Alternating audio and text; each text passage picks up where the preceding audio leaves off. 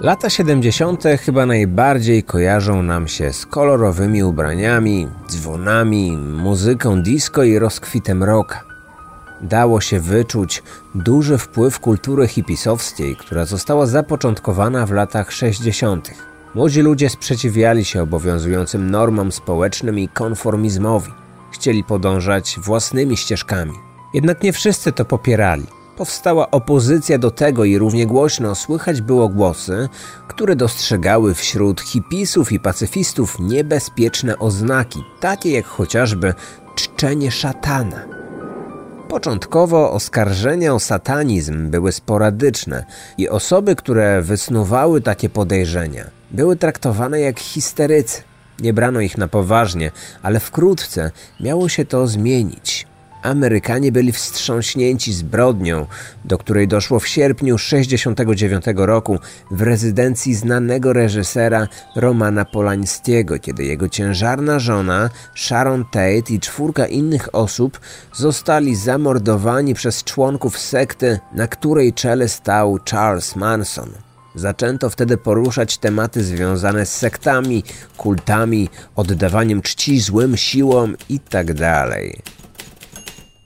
Kiedy dochodziło do krwawych zbrodni albo innych tajemniczych zdarzeń, jak na przykład zniknięcia, ludzie doszukiwali się ingerencji diabła. Znaki takie jak pentagramy czy odwrócone krzyże były wręcz zakazane i wzbudzały ogromny niepokój. Podobno w Stanach Zjednoczonych na przełomie lat 60. i 70. liczba egzorcyzmów zwiększyła się aż o 50%. Z czasem zaczęto mówić o satanic panic, czyli satanistycznej panice, której apogeum sięga lat 80. i początku 90., ale zalążki widać było już wcześniej. Pewnie kojarzycie ten motyw z popkultury, gdyż twórcy filmowi oraz pisarze do dziś chętnie po niego sięgają. Jest to wręcz kanon w filmach grozy i horrorach. Taki wątek pojawił się nawet w ostatnim sezonie Stranger Things. Dziś może to wydawać się paranoją, ale dekady temu Amerykanie traktowali to bardzo poważnie, czego dowodem są przede wszystkim sprawy kryminalne. Jako koronny przykład przytacza się sprawę śmierci nastolatki ze stanu New Jersey. Janet De Palma za życia była postrzegana jako trochę tajemnicza dziewczyna, pełna sprzeczności, intrygowała wielu rówieśników. Jej śmierć również okazała się owiana pewnym sekretem i mrokiem. Śledczy i dziennikarze ulegali narracji, która odpowiadała wyobrażeniom popularnym na początku lat 70. Jednak jak było naprawdę? Kryminatorium. Otwieramy akta tajemnic. Janet De Palma przyszła na świat 3 sierpnia 56 roku. Była szóstym dzieckiem swoich rodziców. Łącznie doczekali się siódemki. Rodzina w tamtym czasie mieszkała w miejscowości Newark w stanie New Jersey.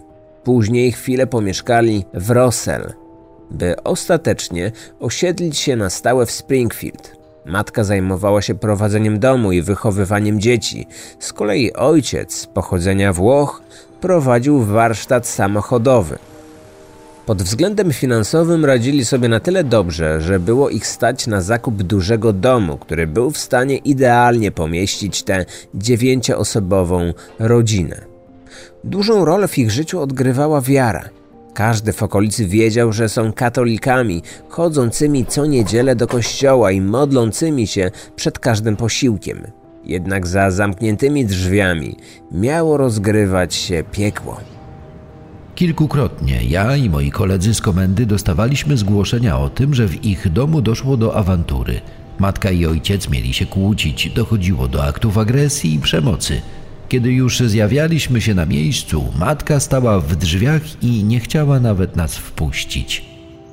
Prowoderem kłótni był zazwyczaj mąż i ojciec, który miał psychicznie i fizycznie wyżywać się na żonie. Czy przemoc dotyczyła też dzieci i w tym Janet?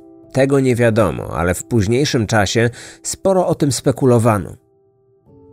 Sąsiedzi zwrócili uwagę na to, że członkowie rodziny De Palma rzadko kiedy wychodzili z domu. Mieszkali w okolicy, w której wszyscy dobrze wzajemnie się znali i lubili się integrować. Ta niechęć wobec kontaktów z innymi wzbudziła kontrowersje i plotkowano, że ta jedna rodzina w sąsiedztwie jest dziwna i podejrzana. Ponadto chłodny stosunek wobec tej rodziny wiązał się z doniesieniami, że ojciec Janet był członkiem mafii. O mężczyźnie mówiono, że jest lokalnym kapo. To była tajemnica Poliszynela. Każdy zdawał sobie z tego sprawę, ale nigdy nie wypowiadano tego na głos. W mieście i okolicach żyło wiele osób powiązanych z mafijnym półświadkiem.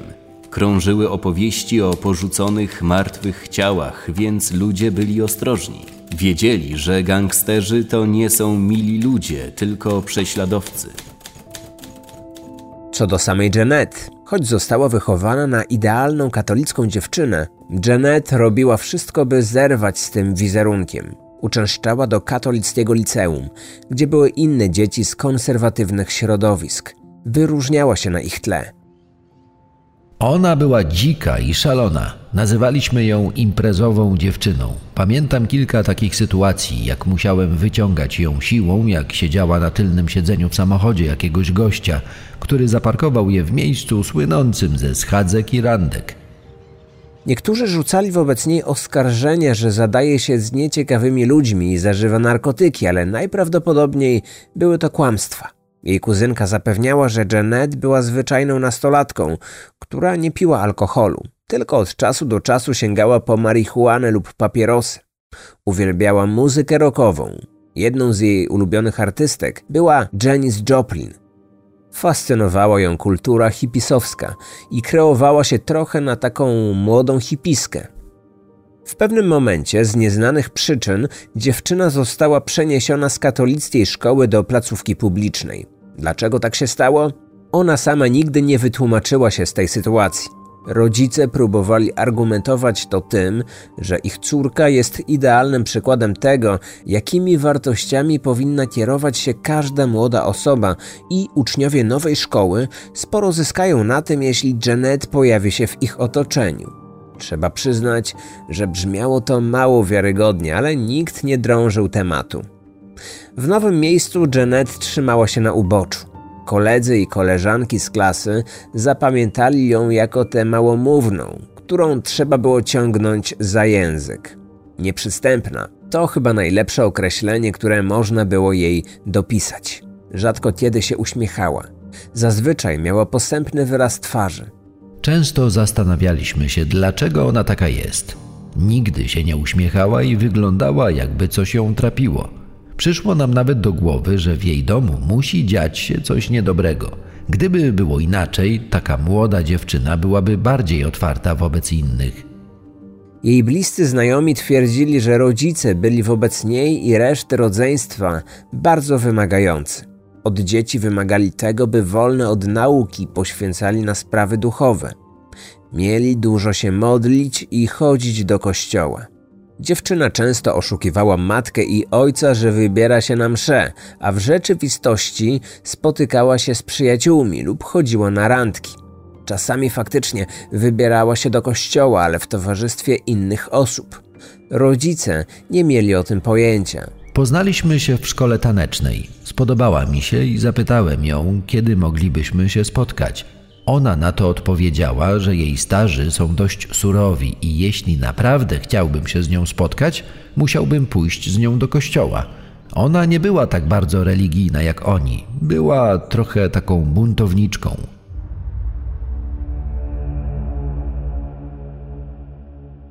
Siódmego sierpnia 72 roku przypadł w poniedziałek.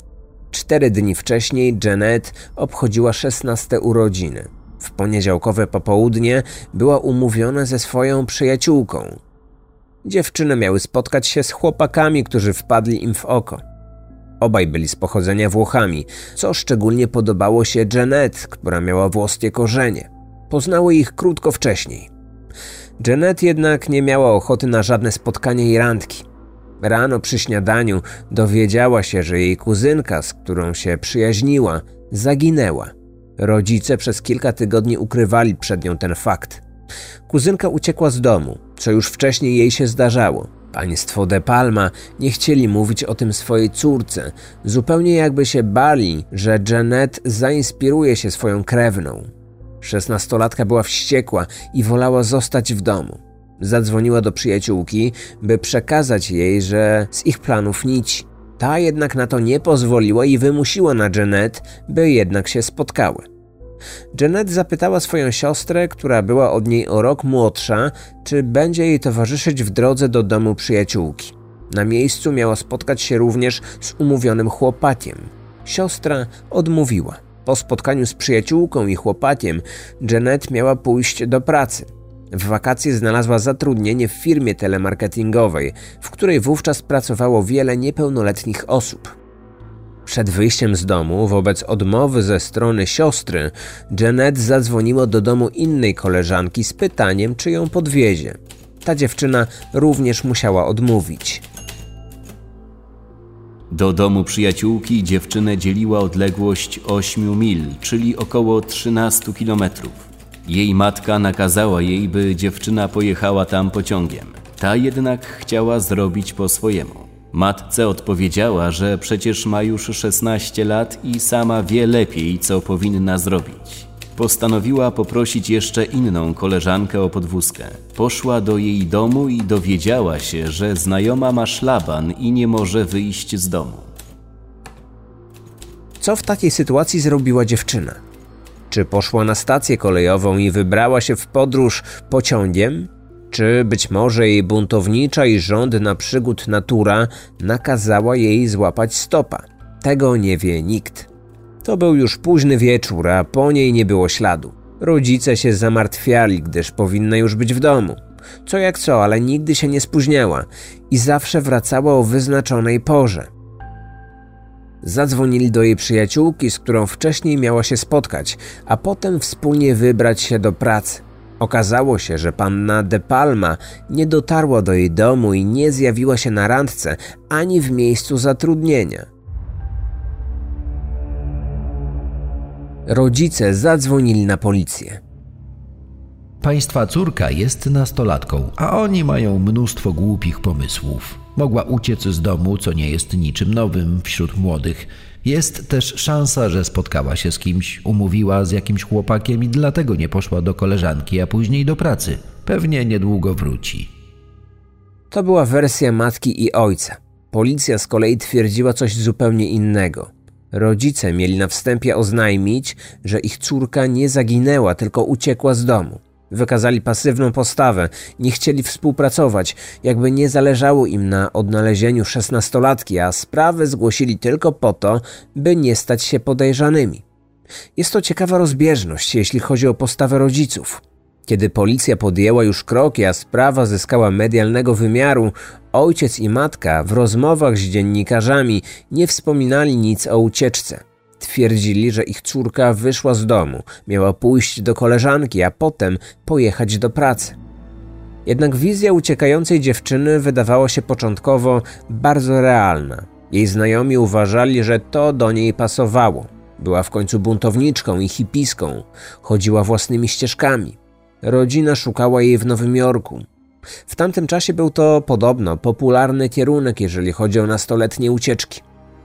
Policja również obstawała za tym i poszukiwano jej nie tylko w okolicy, ale również w Nowym Jorku. Uważano też, że dziewczyna mogła zainspirować się kuzynką, która przecież uciekła z domu, a Janet dowiedziała się o tym akurat tego dnia, kiedy była widziana ostatni raz. Tylko jej najbliższa przyjaciółka, ta, która w dniu zaginięcia miała się z nią zobaczyć, uważała inaczej. Była pewna, że gdyby Janet faktycznie uciekła, to wcześniej by jej o swoich planach opowiedziała, albo chociaż po wszystkim zadzwoniła do niej czy napisała list. Były ze sobą mocno związane i szesnastolatka nie mogłaby tak po prostu porzucić swojego życia. Wiedziałaby, że bliscy się o nią martwią, zwłaszcza siostry. Przyjaciółka czuła, że stało się coś złego. Sierpień upłynął pod znakiem gorączkowych poszukiwań Janet. Z każdym dniem detektywi coraz mniej wierzyli w tezę, że nastolatka uciekła z domu. Czy dziewczyna byłaby w stanie przez kilka tygodni skutecznie ukrywać się przed rodziną i znajomymi? Skąd miałaby pieniądze na ucieczkę? Gdzie miałaby się podziać? Te pytania zastanawiały śledczych i skłaniały ku myśleniu, że jej zaginięcie jest wynikiem jakiegoś przestępstwa. Najczęściej w takich przypadkach chodzi o zabójstwo, zwłaszcza jeśli od zniknięcia minęło więcej niż tydzień. Pierwsza połowa września nie przyniosła żadnych odpowiedzi. Poszukiwania trwały dalej, śladów po dziewczynie nie było. Niepokój wzrastał, a nadzieja znikała i ostatecznie nadzieja przepadła 19 września. W Springfield znajduje się dawny kamieniołom pod nazwą Hoodale w pobliżu rezerwatu Wochang. Wśród setek drzew i w okolicy jeziora można napotkać urwisko, które przez miejscowych jest nazywane zębami diabła. W pobliżu mieszka wiele zamożnych rodzin, gdyż jest tam kompleks apartamentowców. Pewnego wrześniowego poranka pewna kobieta wybrała się na spacer z psem w tych rejonach. Spuściła go ze smyczy i pozwoliła mu pobiegać. Zwierzę zniknęło na dłuższą chwilę, co nieco zaniepokoiło właścicielkę, ale w końcu pies przybiegł w pobliże domu. Kobieta uspokoiła się tylko na moment, gdyż spostrzegła, że jej pupil trzyma w pysku ludzkie szczątki. Przerażona zadzwoniła na policję. Funkcjonariusz, który przyjął zgłoszenie, początkowo był przekonany, że ktoś wpadł na głupi żart. Choć kobieta twierdziła, że jej zwierzak znalazł ludzkie ramię, myślał, że to pewnie ktoś wyrzucił część od manekina. Pomylił się i to bardzo. Kiedy przybyłem na miejsce, okazało się, że kobieta miała rację. Od razu wiedziałem, że z całą pewnością było to ludzkie ramię. Widać było już na pierwszy rzut oka, że musiało tam leżeć oddzielone od reszty ciała już jakiś czas. Na palcach były jeszcze paznokcie. Skóra była chropowata i przybrała ciemnoczerwoną, wręcz kasztanową barwę. Policjant, który na co dzień zajmował się patrolowaniem ulic, kazał wezwać detektywów, gdyż miał przeczucie, że w odległości kilkunastu lub kilkudziesięciu metrów mogą znajdować się pozostałe szczątki. Jeszcze zanim znaleziono resztę zwłok, śledczy mieli już pierwsze podejrzenia. Obawiali się, że jest to Janet De Palma. Była jedyną zaginioną w tamtym momencie. Przeszukano uważnie każdy skrawek tego terenu. W końcu trafiono na kolejną część ciała i okazało się, że to również było ramię. Wszystko wskazywało na to, że kiedy pies natrafił na nie i chwycił je w zęby, ta część musiała odpaść.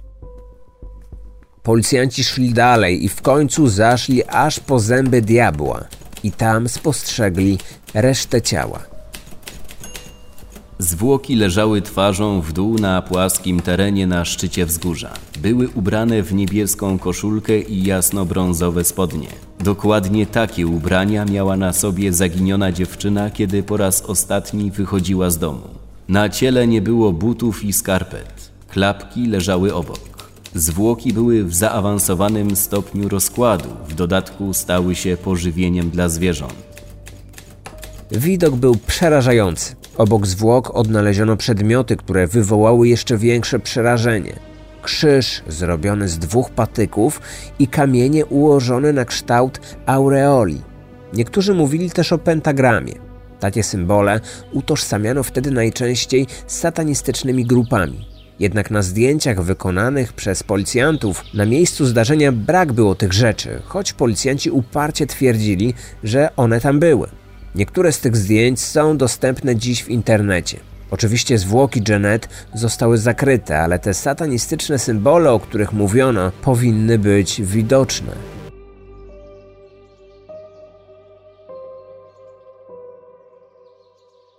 Stan zwłok nie pozwalał na to, by można było tę osobę zidentyfikować. Na pierwszy rzut oka nie można było nawet stwierdzić, czy było to ciało kobiety czy mężczyzny. Nie dało się również oszacować przedziału wiekowego. Kierując się podejrzeniem, że może to być Janet, Poproszono stomatologa, u którego zaginiona dziewczyna leczyła zęby, by ten porównał dokumentację dentystyczną szesnastolatki do zdjęć rentgenowskich żuchwy i uzębienia wykonanych przez specjalistę. Dentysta potwierdził, że na stole w prosektorium leżały zwłoki jego pacjentki. Próbowano ustalić przyczynę śmierci. Prześwietlenie wykazało, że żadna kość w ciele nie była złamana ani pęknięta. Ponadto nie odnaleziono żadnych innych obrażeń, takich jak na przykład dziura postrzałowa czy rana kłuta. Nic nie wskazywało na to, co doprowadziło do śmierci dziewczyny. Wtedy lekarz zaczął zastanawiać się nad tym, że możliwą przyczyną było uduszenie. Lekarz sądowy nie był jednak w stanie udowodnić, że doszło do uduszenia. Nie było też żadnych śladów, które świadczyły na przykład o pobiciu. Kiepski stan zwłok nie pozwalał na ustalenie, co takiego się wydarzyło. Przeprowadzono też badania toksykologiczne. Podejrzewano, że dziewczyna przed śmiercią mogła zażyć nielegalne substancje. Wyniki zaskoczyły medyka sądowego. Próbka zgłoszona do toksykologii okazała się nieodpowiednia do analizy alkoholu we krwi, ale wykazała, że w ciele denatki była znaczna ilość ołowiu, nieco wyższa dawka niż zazwyczaj, zwłaszcza jak na tak młodą dziewczynę. Choć wyniki badań toksykologicznych były nieco podejrzane, raczej przyczyną śmierci nie było zatrucie ołowiem. W raporcie z sekcji nie podano, w jaki sposób dziewczyna zmarła, ale zarówno lekarz sądowy, jak i policjanci obstawiali przy tym, że było to zabójstwo. Jednak z braku konkretnych dowodów wpisano, że przyczyna jest nieznana. Można się domyślić, jakie poruszenie wśród mieszkańców Springfield wywołało wieść o tajemniczej śmierci nastolatki. Zwłaszcza, że policjanci między sobą plotkowali już o tym, że na miejscu zdarzenia odnaleziono symbole nawiązujące do okultyzmu. Kilka kilometrów dalej odnaleziono też martwe zwierzęta i to niektórym sugerowało satanistyczny obrzędek polegający na składaniu zwierząt w ofierze diabłu. Podejście Amerykanów do satanizmu i okultyzmu stało się pewnego rodzaju zjawiskiem, które szczególnie można było zaobserwować w latach 80., ale swój początek miało już dekadę wcześniej. Zbrodnie sekty rodziny Mansona przelały nieco czarę goryczy. W tym samym roku opublikowano Biblię Szatana, manifest satanistyczny. To się nie spodobało większości amerykańskiego społeczeństwa, zwłaszcza chrześcijanom, i sprzestrzegano rodziców, by chronili swoje dzieci, gdyż to one są najbardziej podatne na takie wpływy. To fakt, że dzieci i młodzież wykazywali największe zainteresowanie tą tematyką. Zwłaszcza dzieciaki, które zawsze się wyróżniały na tle innych lub chciały się wyróżnić, czytały o czarnej magii, symbolach okultystycznych i szatanie. W pewnym momencie ludzie oszaleli na tym punkcie i zaczęto mówić już o satanistycznej panice. Z szatanem utożsamiano muzykę heavy metalową czy popularne gry fabularne. Jeśli ktoś trafił na zwłoki jakiegoś zwierzaka, od razu w jego głowie pojawiła się myśl, że to musiał być wynik satanistycznego rytuału. Przestępczość też była z tym wiązana, zwłaszcza zabójstwa i zgwałcenia. Jeśli w jakimś miejscu doszło do morderstwa, a w okolicy mieszkał akurat jakiś młody chłopak słuchający rockowej muzyki, mający długie włosy i będący outsiderem w oczach zwyczajnych ludzi, to on był sprawcą. Dlatego po odkryciu zwłok Janet i wszczęciu śledztwa zaczęto mówić o satanizmie i zwolennikach czarnej magii. Policja oficjalnie w swoich oświadczeniach nic o tym nie wspominała. Nie powiedziano nawet o rzekomych symbolach okultystycznych przy ciele zmarłej. Jednak nieoficjalnie policjanci między sobą chętnie wymieniali się swoimi spostrzeżeniami i czasami dzielili się nawet tymi informacjami ze swoimi najbliższymi. To sprawiło, że ludzie w okolicy w to uwierzyli. Zwłaszcza, że przytaczano historię z sąsiedniej miejscowości, do której doszło kilka miesięcy wcześniej. John List zabił całą swoją rodzinę. Przed zabójstwami kontrowersje w okolicy wzbudzała jego 16-letnia córka, która twierdziła, że jest czarownicą. Wraz z przyjaciółmi wkręciła się w tematykę satanizmu. Zarówno rodzice, którzy byli wierzącymi ludźmi, jak i nauczyciele martwili się o nią. Po dokonaniu zbrodni przez tego mężczyznę, policja wkroczyła do jego domu i odnalazła w środku sporo książek o tematyce czarnej magii oraz symbole satanistyczne.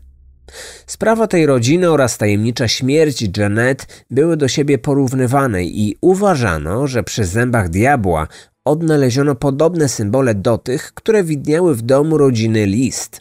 Uważano, że to nie mógł być przypadek. Wtedy rozpoczęły się sugestie, że być może dziewczyna padła ofiarą innych młodych osób zafascynowanych szatanem i wiedźmami. Czy Janet została złożona w ofierze? Można było zetknąć się z takimi nagłówkami w gazetach. Dziennikarze podchwycali taką narrację i właśnie w tym tonie powstawały artykuły dotyczące śmierci tej dziewczyny. Śledztwo w sprawie śmierci szesnastolatki skupia się teraz na wątkach związanych z czarną magią i czczeniem szatana. Zgodnie z policyjnymi raportami, miejsce zbrodni zasugerowało, że zmarła mogła zostać złożona w ofierze. Początkowo kawałki drewna obok ciała wydawały się znaleźć tam przypadkowo. Teraz są brane pod uwagę jako symbole. Detektywi zdają sobie sprawę, że w tę śmierć może być zamieszana jakaś sekta lub poszczególni jej członkowie. Jeden z informatorów twierdzi, że nad głową zmarłej znajdowały się dwa skrzyżowane patyki. Wokół jej ciała również je rozmieszczono i stworzono coś na kształt trumny. Według jednych teorii Janet stała się przypadkową ofiarą. Natknęła się na nieodpowiednich ludzi, którzy postanowili ją skrzywdzić. Inni uważali, że celowo wybrano właśnie ją. Członkowie jej rodziny słynęli z gorliwej wiary, a w szczególności rodzice, którzy podkreślali to na każdym kroku. Rzadko kiedy wychodzili z domu, a jak już gdzieś się ruszali, to zazwyczaj do kościoła. Byli głęboko wierzący, matka i ojciec mogli być nawet fanatykami. Każdy o tym wiedział i możliwe, że komuś się to nie spodobało, zwłaszcza jakiemuś wielbicielowi szatana. Słyszałem, że podobno przy jej ciele były jakieś dziwne symbole. To by wszystko tłumaczyło. Jej rodzice byli przekonani, że to sataniści ją zamordowali. Ojciec i matka wierzyli w to, że ich córka była idealną katoliczką. Nie zdawali sobie sprawy, że Janet nie zawsze mówiła im prawdę, dokąd idzie, że spotyka się z chłopakami i ze znajomymi nie rozmawia o Bogu. Myśleli, że szesnastolatka nawraca niewierzących przyjaciół i głosi dobrą nowinę każdego dnia. Prawda była inna. Janet, choć wierzyła w Boga, nigdy nie poruszała tematu wiary w towarzystwie. Miała zupełnie inne podejście niż reszta rodziny. Nie wszystkim podobało się zachowanie matki i ojca, kiedy na jaw wyszło, że Janet nie żyje. Nie okazywali złości i smutku, co było dziwne. Chętnie wypowiadali się w mediach i sprawiali wrażenie spokojnych. Tłumaczyli to tym, że Bóg zesłał im spokój i pogodzili się już ze stratą. Inni dostrzegali w tym próbę gloryfikacji prawdopodobnie okrutnej śmierci szesnastoletniej dziewczyny, która miała przed sobą całe życie. Plotkowano o podejrzeniach przemocy w ich zaciszu domowym, ale policja w ogóle się tym nie zainteresowała.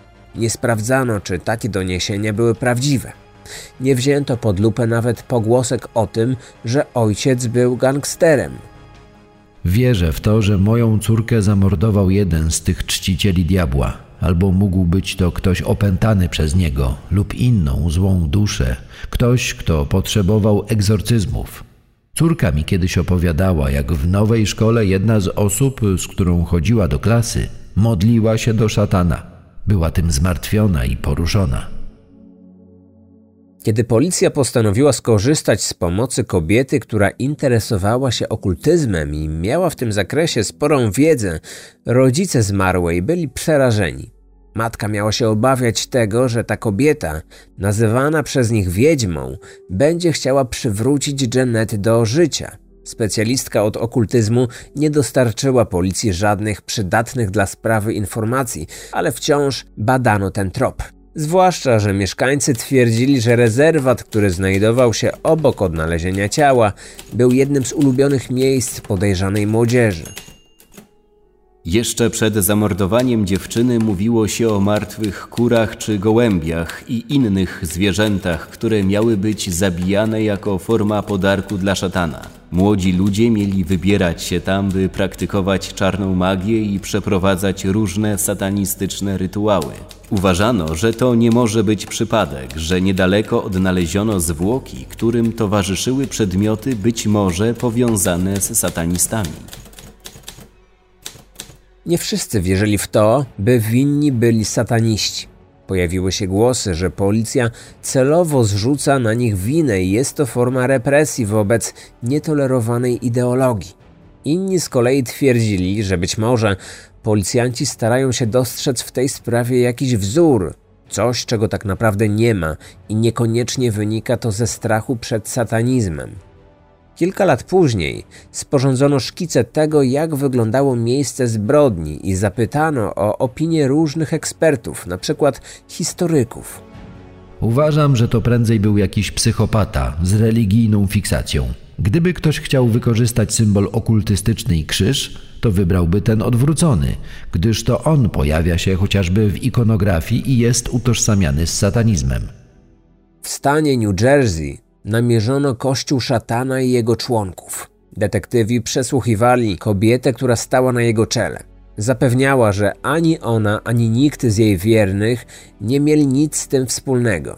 Powiedziała, że trzymają się z daleka od używek i rozlewu krwi. Śledczy nie znaleźli żadnych dowodów, by akurat ta grupa satanistów, ani żadna inna, miała coś wspólnego ze śmiercią dziewczyny.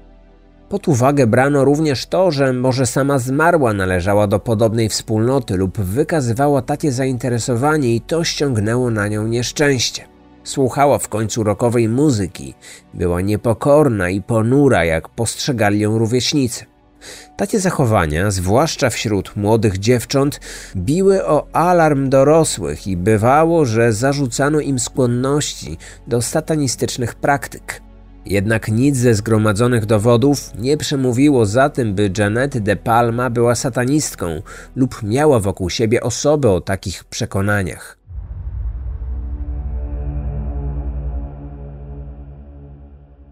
Śledztwo nie toczyło się wyłącznie wokół tego wątku satanistycznego. Jednym z kluczowych podejrzanych był mężczyzna znany w okolicy jako Red. Był to prawdopodobnie bezdomny, który w okresie letnim, kiedy było ciepło, pomieszkiwał na kempingu w pobliżu miejsca, w którym odnaleziono Janet. Na policję zgłosił się świadek, który twierdził, że to właśnie on zabił dziewczynę. On ma 30, ewentualnie 30 parę lat. Jest wysoki i szczupły, z rudymi włosami i brodą. Wygląda na dziwnego gościa i sprawia wrażenie typowego starego hipisa. Podobno pracuje w pobliskim klubie golfowym. Podaje graczom kije. Mężczyzna był podobno dziwakiem i samotnikiem. W dodatku jego kemping znajdował się w naprawdę bliskiej odległości od zębów diabła. Policja na serio potraktowała to doniesienie, zwłaszcza, że świadek twierdził, że Red może być hipisem. Od razu połączono to z rzekomym satanizmem. Było to istierka nadziei.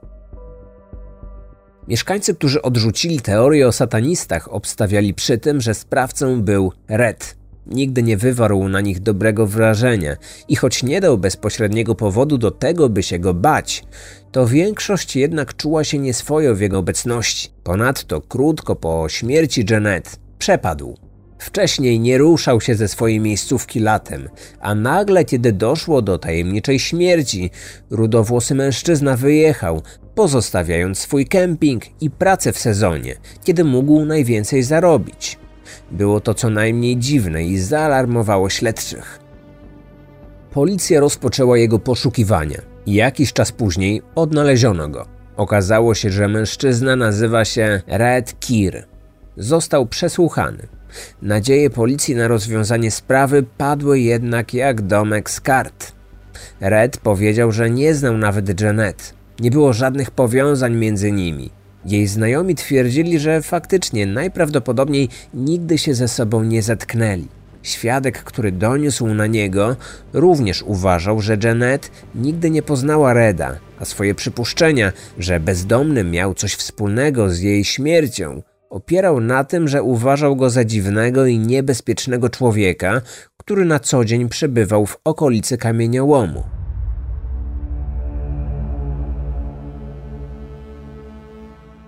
Są zwolennicy teorii, że Janet de Palma padła ofiarą seryjnego mordercy. W stanie New Jersey doszło do dwóch innych podobnych zdarzeń.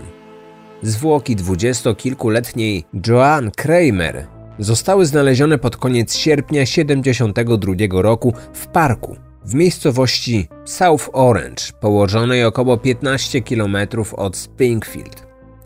Jej ciało było również odwrócone twarzą do ziemi i w znacznym stopniu rozkładu, ale nie było aż tak dużych problemów z identyfikacją. Lekarz sądowy ocenił, że przyczyną zgonu było uduszenie. Dziewczyna miała duże zasinienie na szyi, ale oprócz tego nie odnaleziono żadnych innych urazów. Prawdopodobnie ostatniego dnia jej życia w domu rodzinnym odbywała się impreza. Pokłóciła się wtedy ze swoim chłopakiem i zdenerwowana wyszła. Miała iść przed siebie i w końcu trafić na budkę telefoniczną. Zadzwoniła do przyjaciółki, której pożaliła się na kłótnię ze swoim partnerem. Przyjaciółka uspokoiła ją i poradziła, by wróciła do domu. Wtedy dziewczyna miała zamówić taksówkę, ale zamiast tego podeszła do samochodu, który stał na światłach i zapytała kierowcy, czy ją podwiezie. Świadkowie widzieli, jak wsiadła do pojazdu. Wtedy widziano ją ostatni raz. W listopadzie 66 roku ktoś zaatakował 17-letnią Carol, kiedy ta wracała z pracy. Ona także została uduszona, a jako narzędzie zbrodni posłużyła jej własna pończocha. Do przestępstwa doszło w miejscowości w pobliżu Springfield. Sprawca porzucił ciało na podjeździe obok aut. Kiedy ją odnaleziono, jeszcze żyła.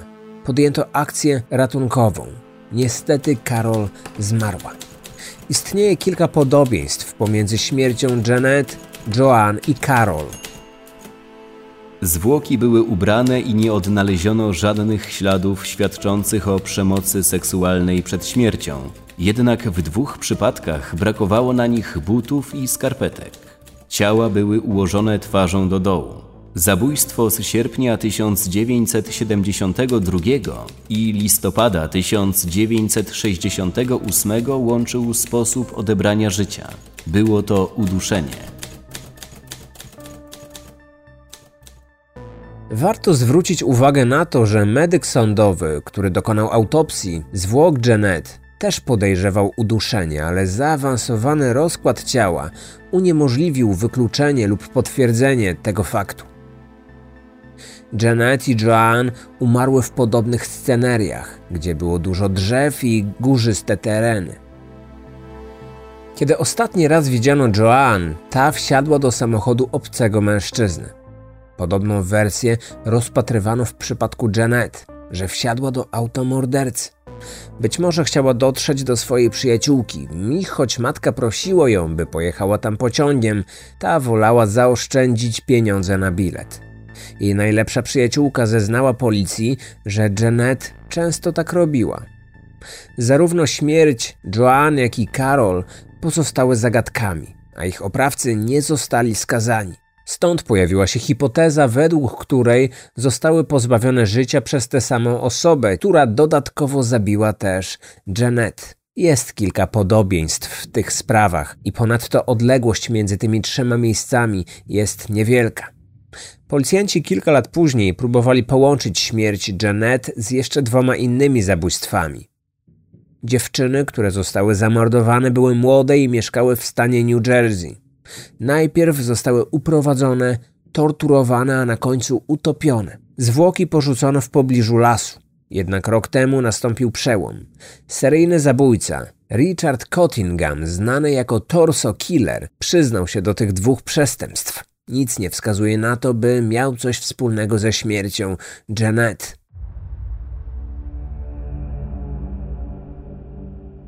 Janet De Palma nie żyje już od 50 lat, a do dziś nie wiadomo dlaczego. Choć policja i medyk sądowy byli przekonani, że nie była to śmierć przypadkowa, tylko wynikająca z ingerencji osób trzecich, oficjalnie w raporcie z sekcji nie można było napisać, że było to zabójstwo. Pojawiła się też wersja, że dziewczyna przedawkowała narkotyki. Jej znajomi porzucili jej ciało, by nie zwracać na siebie uwagi. Jednakże wydaje się to mało prawdopodobne. Znajomi temu stanowczo zaprzeczyli. Wszystko wskazuje na to, że do domu przyjaciółki nigdy nie dotarła. Być może spotkała się z kimś innym, z jakimś chłopakiem. W końcu tego dnia miała w planach randkę, ale podwójną, w towarzystwie przyjaciółki. Teoretycznie mogła zmienić zdanie i umówić się sama z tym chłopakiem bądź jakimkolwiek innym. Tożsamości gościa, z którym miała się wtedy zobaczyć, nie udało się namierzyć. Policja chyba też nigdy nie pociągnęła wątku związanego z ojcem Janet, a konkretnie z jego możliwą przynależnością do mafii. Niewiele o tym wątku wiadomo. W dostępnych źródłach jest tylko wzmianka o jakichś powiązaniach. Jeżeli to prawda, to możliwe, że ktoś z wrogów ojca, chcąc zemścić się na nim, na cel wybrał jedno z jego dzieci. Aczkolwiek dziś można jedynie na ten temat spekulować. Najprawdopodobniej wątek satanistyczny został sztucznie wykreowany przez media i policję. Pytanie tylko w jakim celu. Ciekawe jest również to, że jeden z dziennikarzy poprosił o dostęp do akt tej sprawy i w odpowiedzi otrzymał wiadomość, że większość z nich uległa zniszczeniu podczas huraganu i dlatego nie ma takiej możliwości. Istnieją podejrzenia, że to nieprawda, gdyż według innych instytucji niż policja w Springfield są kopie tej dokumentacji. Pół wieku temu nie wykorzystano istotnego dowodu, który mógłby dać rozwiązanie. Otóż na zwłokach było ubranie, właściwie jego resztki. Lokalna policja chciała to zbadać, licząc na być może DNA sprawcy. Ubranie przesłano do siedziby FBI, która dysponowała odpowiednimi narzędziami. Na miejscu jednak stwierdzono, że z powodu zniszczeń ten materiał nie ma już żadnej wartości dowodowej i nie przeprowadzono badania. W 2019 roku złożono wniosek o przeprowadzenie badań, ale został on odrzucony. W ubiegłym roku utworzono zbiórkę pieniędzy i środki mają zostać przeznaczone na wykonanie analizy DNA z tego ubrania, które się zachowało. Pomysłodawcą całej akcji jest siostrzeniec Janet, który w momencie jej śmierci był jeszcze dzieckiem.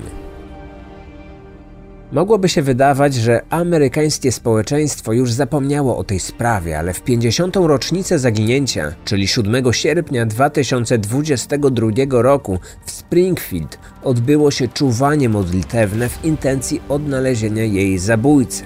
W mediach społecznościowych można też zetknąć się z hashtagiem czy kontem na Instagramie i Facebooku pod nazwą Justice for Janet De Palma. Ludzie liczą na to, że sprawiedliwości w końcu stanie się zadość, choć całkiem możliwe, że jej oprawca już dawno nie żyje. Odcinek powstał na podstawie książki autorstwa Jesse'ego Polaka i Marka Morana pod tytułem Death on the Devil's Teeth. Ponadto wykorzystano artykuły autorstwa Jerry Carino, Aja Romano czy Rebecca Everett. Opublikowane na portalach Vox, Boston 25 News, History.com oraz NJ.com.